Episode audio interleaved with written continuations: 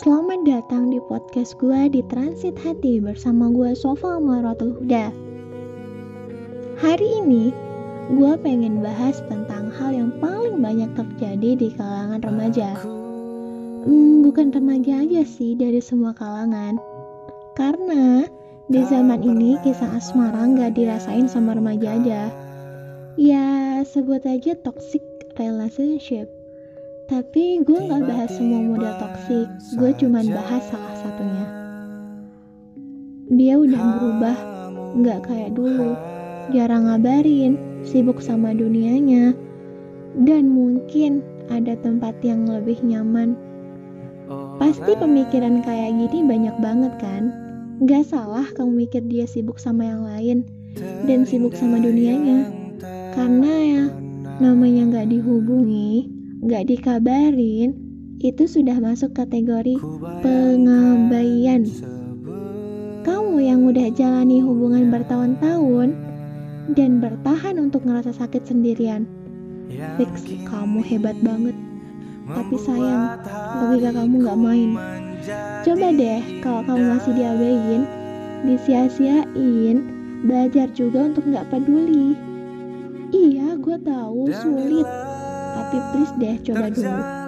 Mulai dari kamu jangan stalk dia, kurangi kapasitas spam kamu. Gua tahu kok biasanya kalau nggak dikabarin pasti spam kan. Nah, kamu kurangi spam. Setelah itu, lakuin kegiatan kamu dengan normal tanpa dia. Ya, sebut aja ngilang secara halus tanpa jejak. Setelah kamu lakuin itu, dan ternyata dia masih nggak peduli sama sekali sama kamu, ya udah, apa yang perlu dipertahanin? Kamu tinggal nonaktifin hati dan aktifin logika. Udah waktunya buat logika yang main, bukan cuman hati. Kasihan hati kamu dipatahin berulang kali dengan orang yang sama. Jadi lebih baik ambil patah sekali tapi nanti juga sembuh daripada batah berkali-kali dan gak tahu sembuhnya kapan.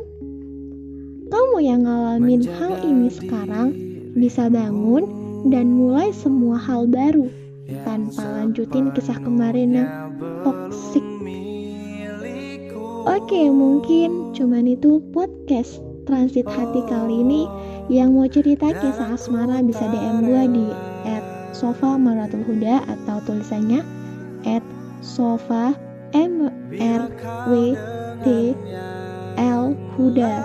Oke terima kasih karena setia banget udah dengerin podcast dari gue. See you. Aku